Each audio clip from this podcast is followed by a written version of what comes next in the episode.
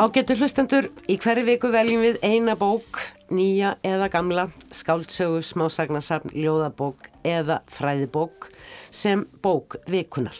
Að þessu sinni hefur orðið fyrir valinu smásagnasafn úr reitröðinni Smásögur heimsins. Nánar tiltekið þriðja bindi þessarar reitraðar sem hefur að geima smásögur frá Asju og Eiaálfu og kom út árið 2018.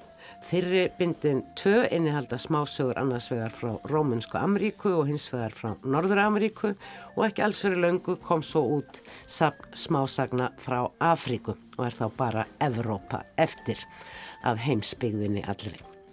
Rittstjórar þessara raðar eru þau Kristín Guðrún Jónsdóttir, dósend í spænsku, Jón Karl Helgason, professor í íslensku og Rúnar Helgi Vignisson, dósend í rittlist, öll við Háskóla Íslands.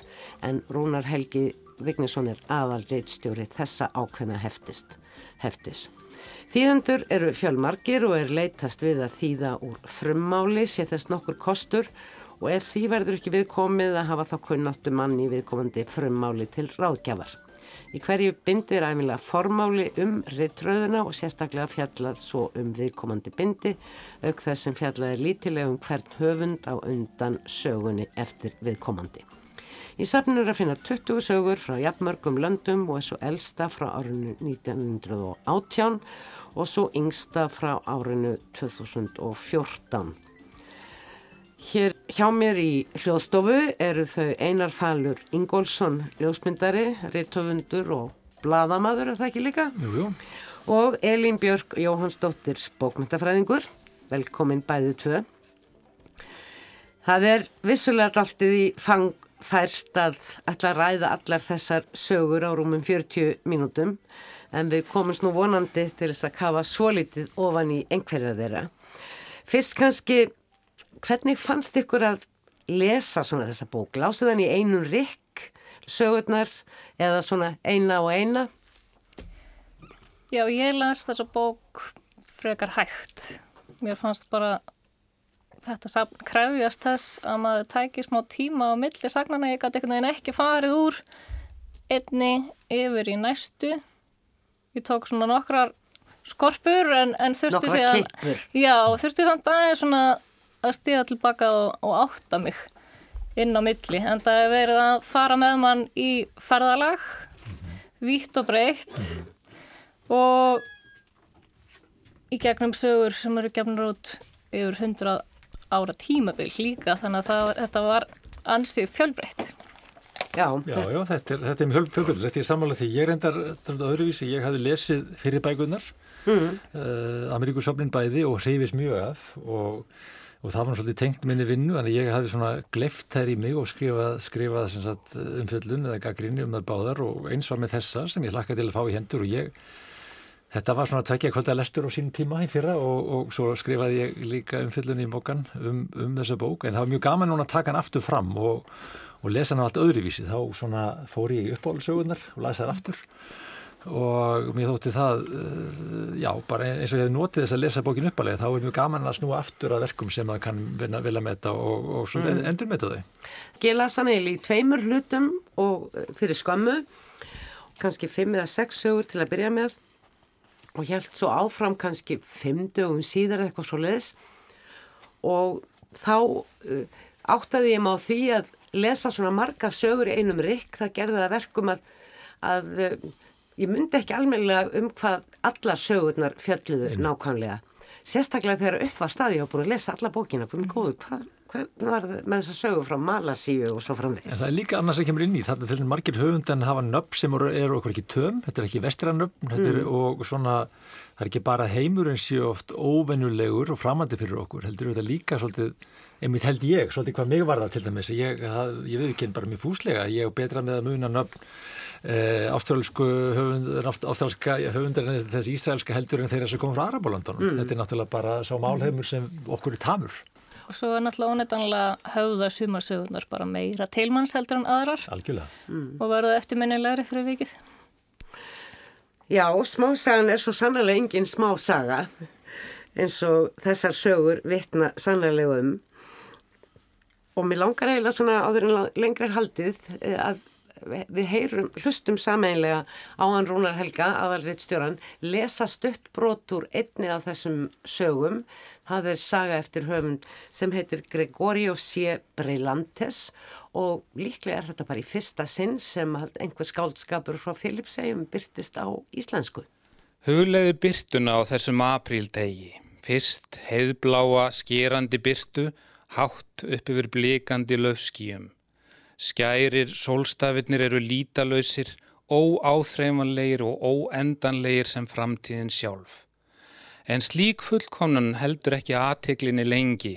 Íhugð þá byrtuna þar sem hún fellur í litlum skærum pollum að rótum trjána sem skíla götunni og þessu húsi í tarlak. Laufin bylgjast og sveigjast í brúnum og gulum gárum sem flæða upp á við í átt að kvítri skínandi ljósmiðinni, staldra þar við og síga að nýju og verða aftur græn í kyrstöðu. En kvikt ljósið róast ekki einu sinni á milli vindgusta, heldur flöktir það og titrar í glóandi fliksum.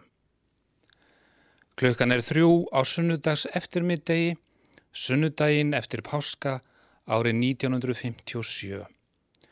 Á verund húsins sem stendur þarna uppljómað og kyrt í sumarbyrtunni likur 17 eða 18 ára unglingspiltur sofandi á betta með hálmdínu.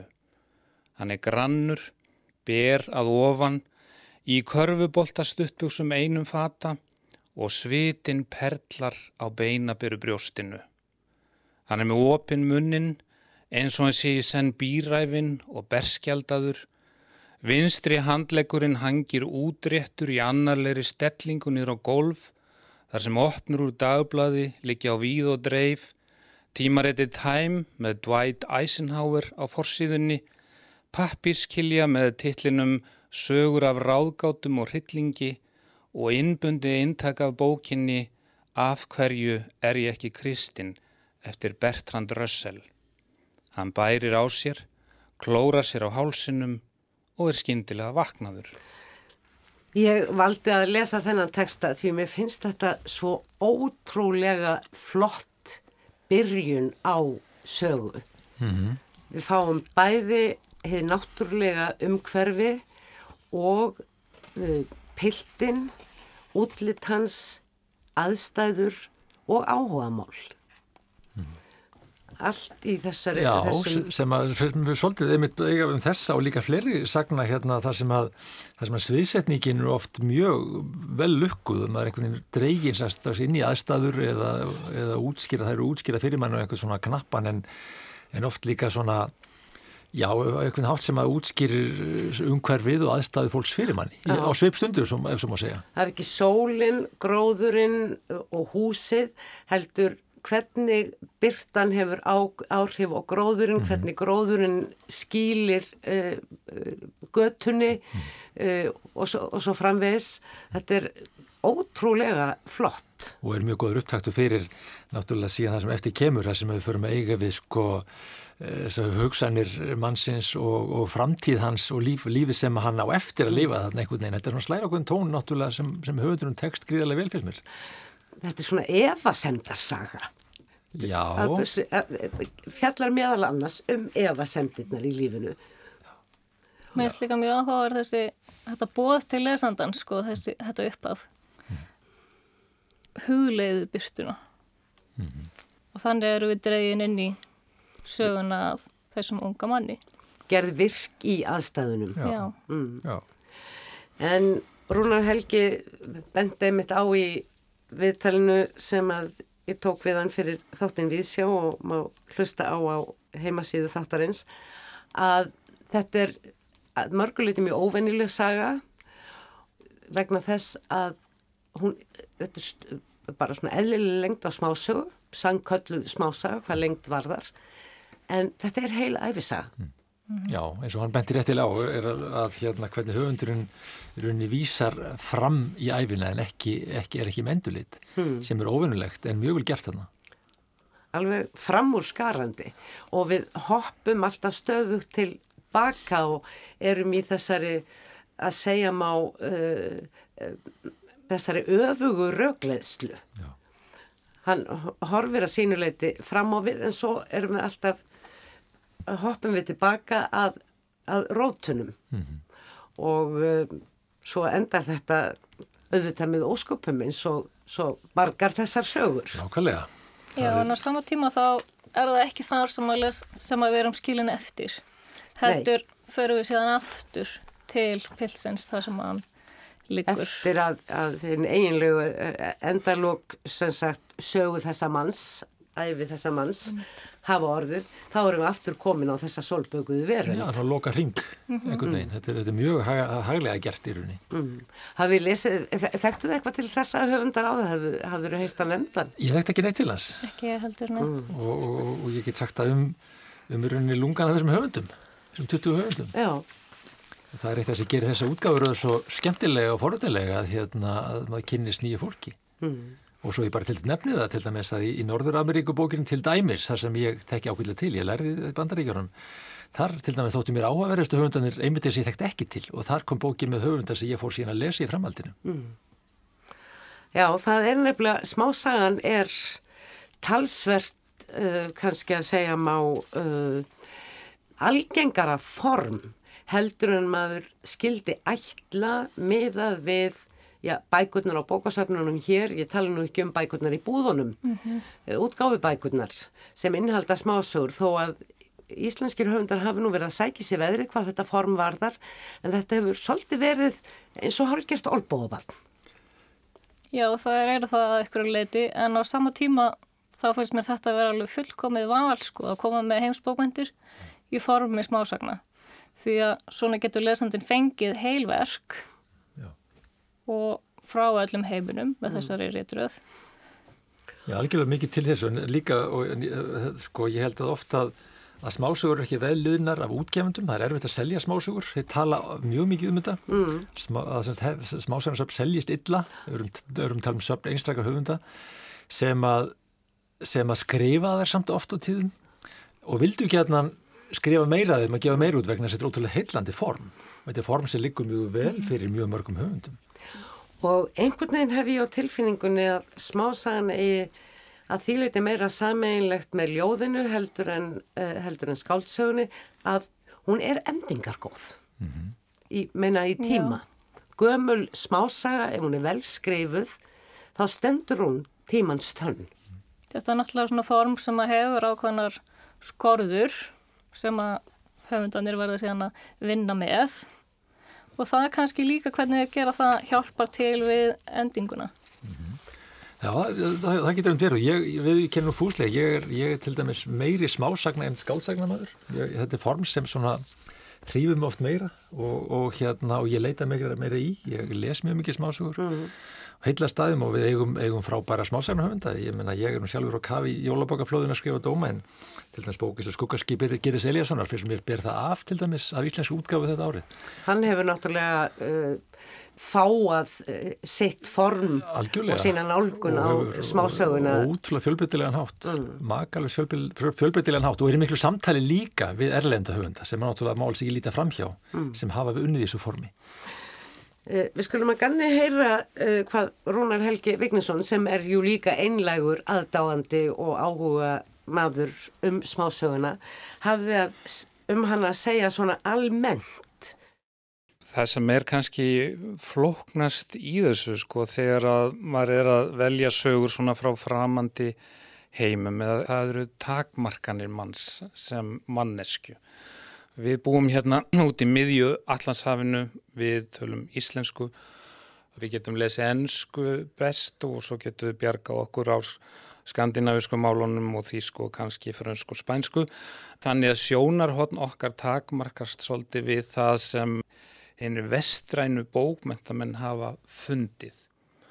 Til þess að koma í veg fyrir að við horfum bara með þessum íslensku augum eða vestrænu augum á það sem að framleitt er þarna þá fannst mér mjög mikilvægt að fara á staðin hitta fólk.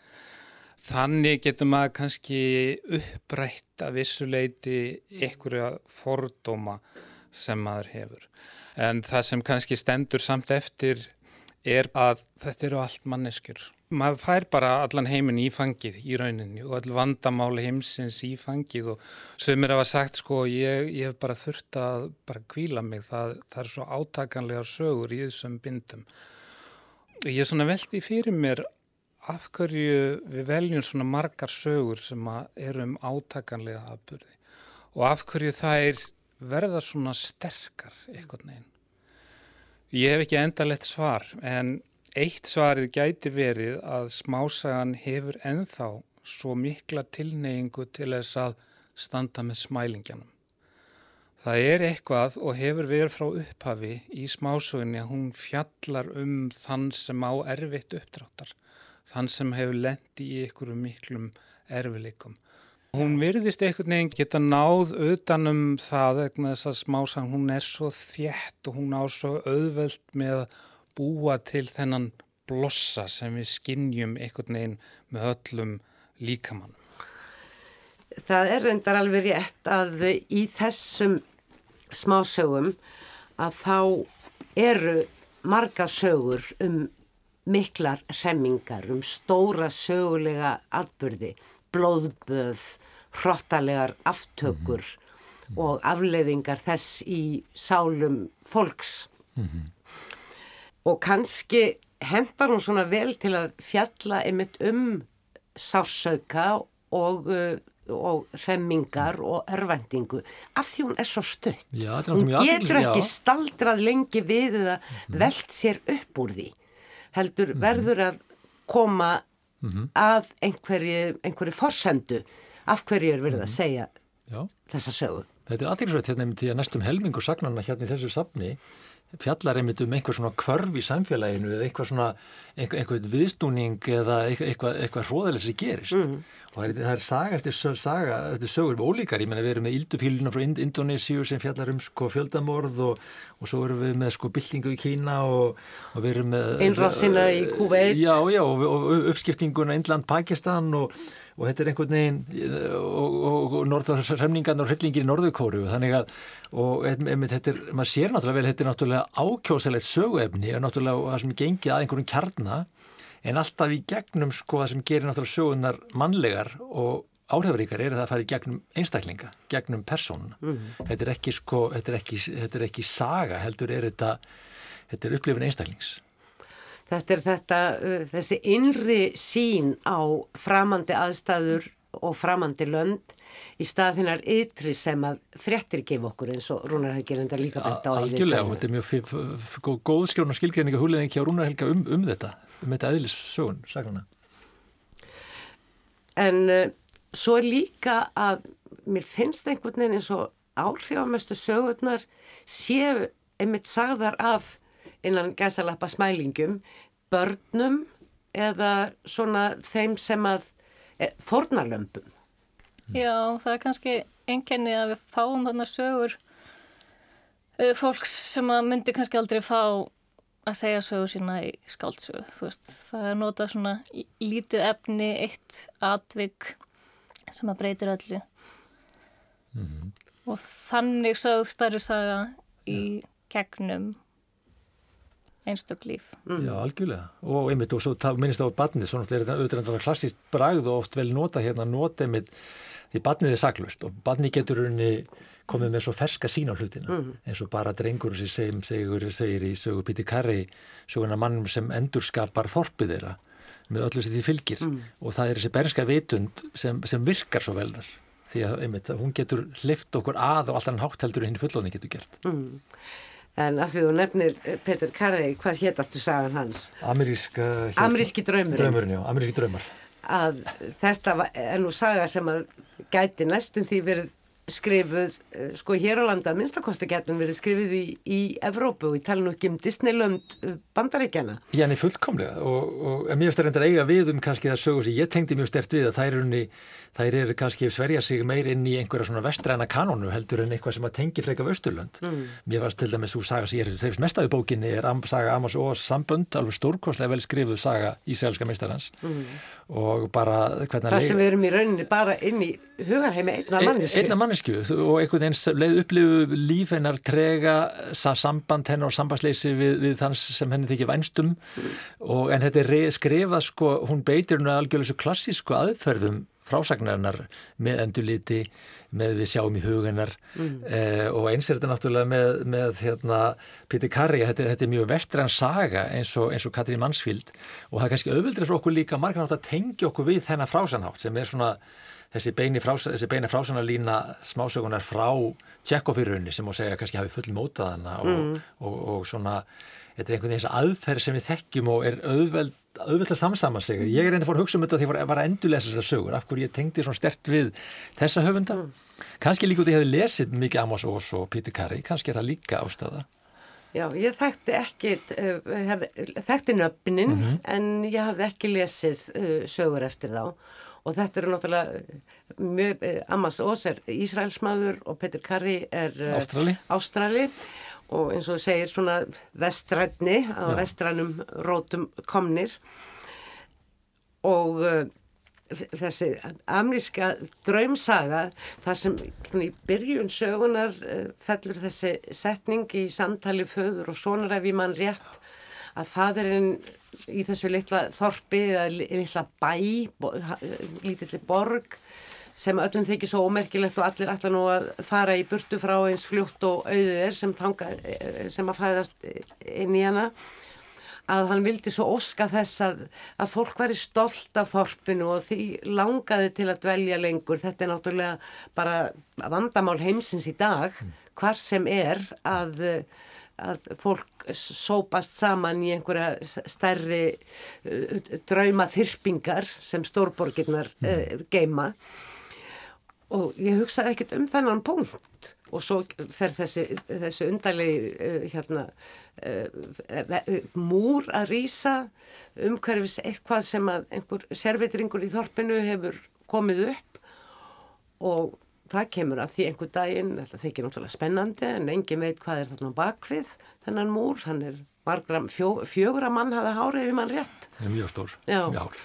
Og og endanum þá deyr maðurinn, servitringurinn sem að uh, enginn hafði viljað eh, vera mikið í samneiti við og uh, þá kemur að ljósa að hann hefur byggt allt þorpið mínimalist í smámynd innan múrsins og ekki nómið það, hann hefur gert íbúana líka það kemst upp um tvö í rúmi Já. sem að alls ekki eiga að vera í sama rúmi Þannig að því bara lindamálega líka Já og, og fólk verður skelvistöðu þetta við þessa speglun Já. í rauninni. En um leiður veru samfélagið eftirsóknarvert því fólk fyrir að streyma þángað og þá snýst allt við. Fyrst viljaðu eiðilegja það. Fyrst er eiðilegja það En, en, en svo þegar... Svo kemur ljós. Nei, við getum grætt á þessu. Ég hugsa, er þetta ekki bara tákmyndin hérna sem sjáum alltaf hérna? Ég meina, er þetta ekki bara íslenska myndin? Ég meina, eh, íslendingar uh, hugsuðu ekki, við höfum ekki hugsað um hluti lítið bara í íslensku náttúrun hálendi fyrir allt í mm. að vera eftirsóknar verðt að ferðamönnum, þá fyrir allt í lítið öðrum augum. Og það er útlendingar til til að skipta um skoðun og hlutum. Mm. Og svo er þetta líka, sko, ekki kannski ádeila, en mjög til umhugsunar um... Þess, öll þessi ferðarlegu manniskunnur í dag eh, fólk í heiminum í dag hefur aldrei ferðast meira frá einum stað til annars eins og núna bara mhm. til að skoða mm -hmm. til að lifta þakkinu af og sjá hvað Já. fólkið er að gera Já. Það kemur náttúrulega upp tókstreita þarna í lokin því að þorpið, hefur önverulega þorp stennst ekki væntingar sko þegar fólk er búið að skoða eftirmyndina og vil síðan taka mynd af fyrirmyndinum þá eru þær náttúrulega alls ekki eins því að fyrir þeim líður tímin Hundurinn er döður og strákurinn orðin fullorðin Alveg ótrúlega vel, velgerst og, eh, og ég var mjög, mjög spennt í þessari sögu. Og það var til þess að ég fór svona svolítið að hugsa um svona spennu uppbyggingu mm. í sögum eins og þessari í svona stuttum sögum. Því að þeim tekst að vera ótrúlega spennandi, maður býður eftir veist, hvað gerist, hvernig endar þetta? Og ég nefnir sem dæmi kymesku söguna töfralækningin. Þar sem að þeir rjúka staði í, í, í, í byrtingu feðgarnir, fadurinn rekur sonin og undan sér að því nú skuli fara fram aftaka, þetta gerist hvað 1947 já, já, nei, eða, já, í kymesku menningabildingunni men, men, jarðarbyltingun eins og það var vist kallað og, uh, og allir eiga að fara að koma að horfa á aftöku landeigenda en það kemur í ljós að fadurinn allar ekki að gera það en þetta er orðið hérna gíska lítið spennandi það búið að vera svo mikið aftökum heldur á strákurinn að standa á verði og allt máli snýstum að komast yfir gallblöðru í lífandi manni. Hvað þeir eru að paufast þarna undir brunni og, og öll sagan er sögð ekki frá sjónarhóli drengsins heldur frá heyrnarhóli í rauninni. Já. Því hann heyrir allt í gegnum brúna. Og þetta er mjög, mjög, mjög vel skrifuð saga önnur eh, eftir kýmenska Nobel-sjöfundin Mó Ján sem að sem að uh, margir vestirættir uh, gaggrínundur vildur nú gera lítið úr þegar hann var hérna, fekk velunin fyrir hvað orðin síðan Já. en er býstna snjall höfundur Mjög. og sem að sínir vel í þessari sögu Já, varst þú svona spennt í þessari sögu? Kanski ekki alveg, ég hérna held að þær sögur sem að höfðu mest til mín voru sögur eftir konur sem að gerðust svona inn á heimilum mm -hmm. þegar ég fór að horfa yfir þær þá var það svolítið gegnum gangandi þráður. Mm. Það er til dæmis uh, sagan, um, sagan sem heitir Myndin af Jasmín þar sem að hjón dveljast á heimili ókunnugs fólks. Já, þau beinleins flytja inn í íbúð þeirra uh, vegna, og það, það er líka umsátus ástand, þetta er í Líbanon. Einmitt í borgarastriðinu þar Já. og það er í gangi fyrir utan og maðurinn fer svona að fixera rosalega á konuna sem að á heima í, í búinu en Sa er fjær... ekki heima já, fjárverðandi og hérna myndin af henni hangir upp á vegg og svo reynir hann að púsla saman mynd af henni með því að nýsast og rannsaka dótið hennar og fara í gegnum dagbækunar hennar og reyna að búa til þessa ímynd af þessari konu sem að verður í hans augum mjög fullkominn og konan hans er ólétt á meðan á þessu stöndur þau dælja þarna. Og er afskaplega lítil persona í sögunni. Svo egnast hún badnið og þegar hann kemur tilbaka í búðuna ánennar, hún er ennþá á spítalunum þá er þið óvænta að hann mætir lóksins koninni sem að sínu hugabarni, það fæðist líka. upp, sem er mjög, gríðlega vel skrifuð saga, ég er með sammála því mjög aðtækilisvert einmitt. Og hann þarf þá að, að meta væntingar sínar mm. um konuna á móti henni í raunveruleikanum og það er svo skemmtilegt að í þessari sögu þá er lesandin líka dregin með í þessa rannsókn sko. við erum að nýsast og við erum að tólka Jasmín með manninum sem að dvelst í á heimilunar eh, Þegar þú varst að segja frá þessari sögu fór ég strax að hugsa um söguna sem ég las síðast sem er sagan frá Kuveit uh, hvað hétt hún aftur? Falið ljóslutana mm -hmm. Falið ljóslutana og það er nefnilega líka eru hlutir að skapa líf og mynd geng, gegnir líka mikilvægur hluturki Hún er líka önnur sem er listavel skrifið og svolítið gaman reyndar að þessi höfundur og kúveit, hún kemur fram í upplýsingum með höfundana, hún er mikill aðdáandi höfundar hans frá, frá Líbanon, þannig að það er ákveðin tenging þarna og, mm. Hannan Al-Shaik. Já, og Jasmín kemur fyrir í báðan sögunum og mér finnst það einmitt sellega vel skrifuð saga líka sem við fylgjumst annars vega með, með föður og þremur, þremur dæturum sem eru að taka móti móðu sinni sem hefur verið gísl eftir, eftir innásinni kúveit sem hafi verið tekið með til Bagdad og, og verið í burtu í tíu ár og við fáum vita bæði hugsanimóðurinnar og viðbröðallega hérna. Mm. Já, við fáum einsinn inn í hugsanir fjölskyldunar í gegnum miðsisturina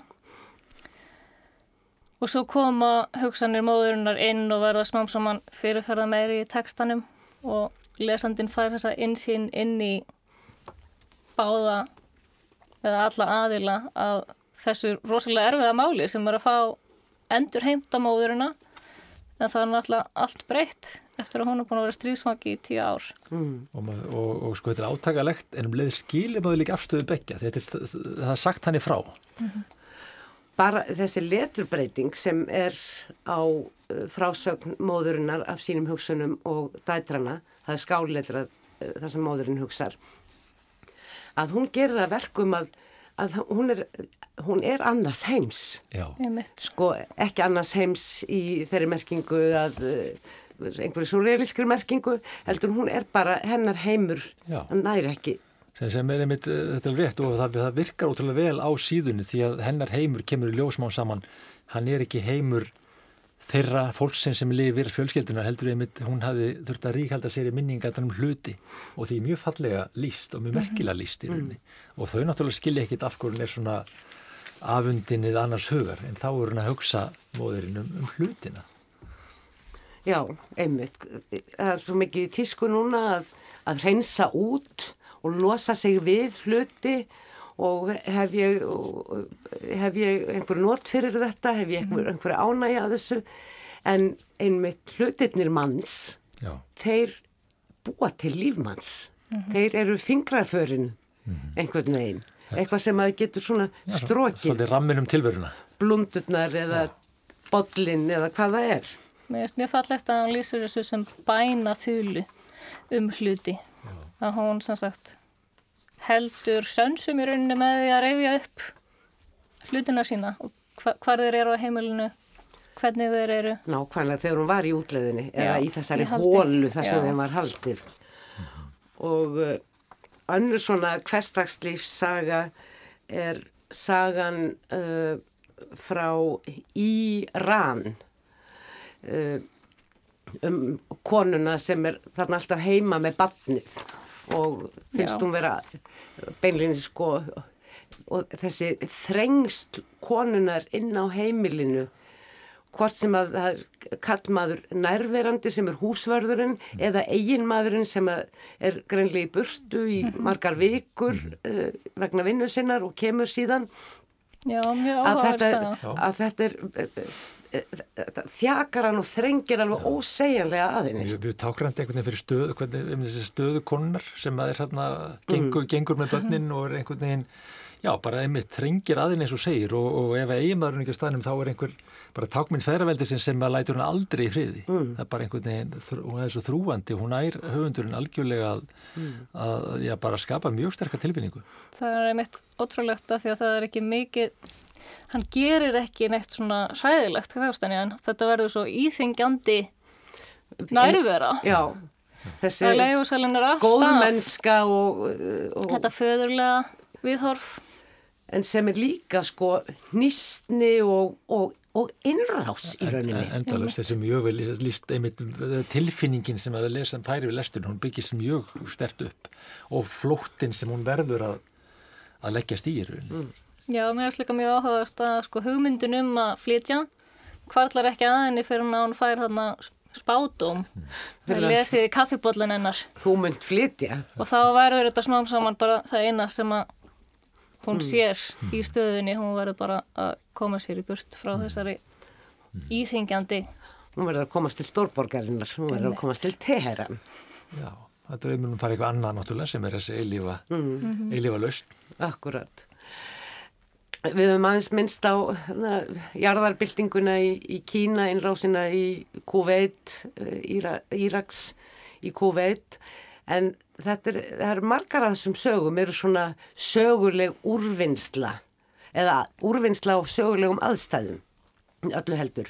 Nú hefur þú uh, dvalist mikið á Indlandi og jafnvel víðar í Asíu, kannski Já, ferðast meira til já, að já, landa en dvalist á. Indlandi. Ég hef verið, verið mikið í. Indlandi síðust árin og, og, og já, svona síðasta, síðasta 20-25 árin verið komið svona okkur reglulega og, og lesið mikið indlensku bókmyndum og, og þekkti til eh, höfundarins, eh, höfundar indlensku sögunar, Bissam Sani.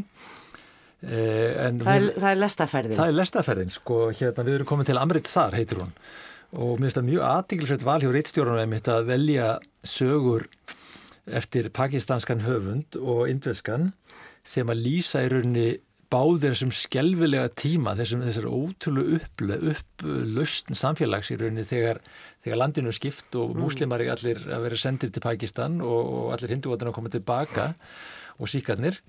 Og þeir gera þetta á svo ólíkan hátt sko með pakistanski höfundurinn hann fyrir þá leið að rauninni að sína þessi, þessi, absúrt skipti geðsjúklinga þar sem er verið að senda þá yfir landamærin og það er náttúrulega er hún, hún, er, hún er átækilega hlægileg svo saga mm.